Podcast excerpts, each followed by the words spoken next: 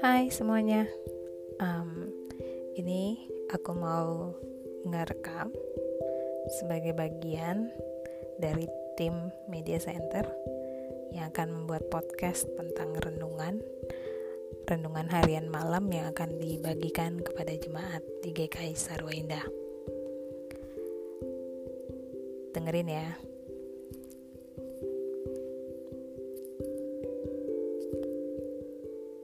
Jemaat yang terkasih, renungan untuk kita malam ini berjudul Sumbu yang Pudar.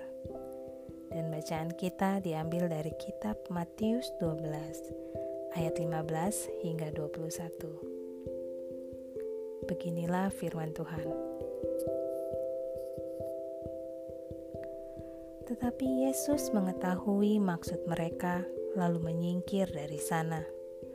Banyak orang mengikuti Yesus, dan Ia menyembuhkan mereka semuanya.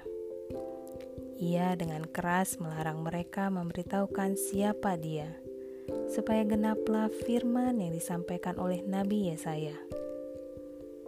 Lihatlah, itu hambaku yang kupilih, yang kukasihi, yang kepadanya jiwaku berkenan. Aku akan menaruh rohku ke atasnya, dan ia akan memaklumkan hukum kepada bangsa-bangsa. Ia tidak akan berbantah dan tidak akan berteriak dan orang tidak akan mendengar suaranya di jalan-jalan. Buluh yang patah terkulai tidak akan diputuskannya, dan sumbuh yang pudar nyalanya tidak akan dipadamkannya, sampai ia menjadikan hukum itu menang. Dan padanya lah bangsa-bangsa akan berharap.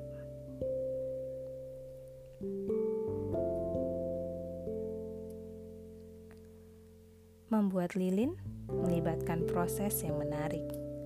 Salah satu elemen yang penting adalah sumbu.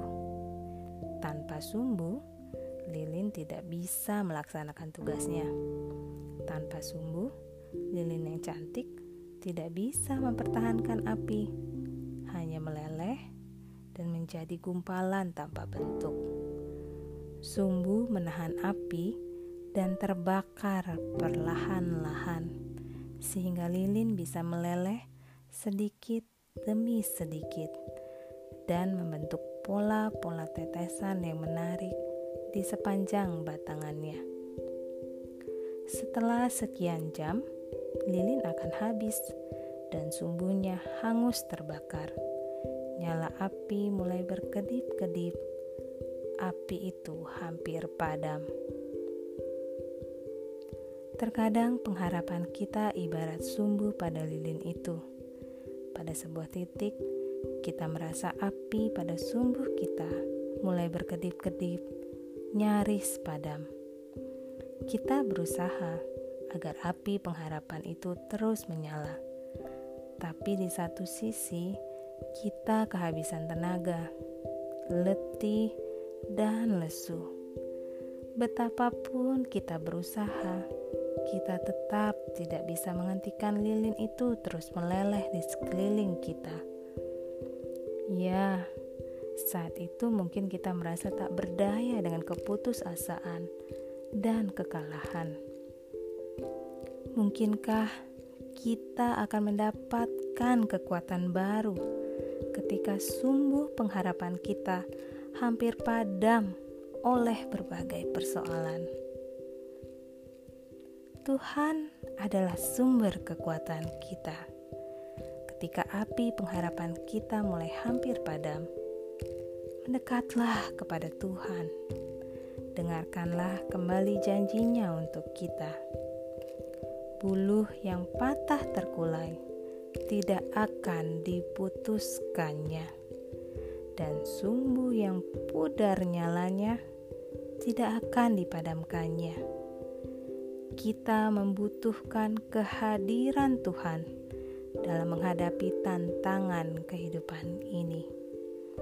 Ia akan memulihkan kekuatan kita dan memberi kelegaan bagi kita.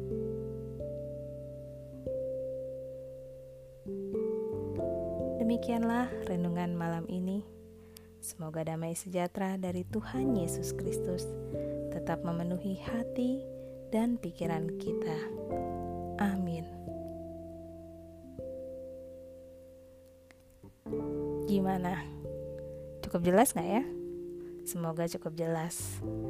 Ini latihan aku. Semoga bisa menjadi berkat. Tuhan Yesus memberkati. Amin. Thank you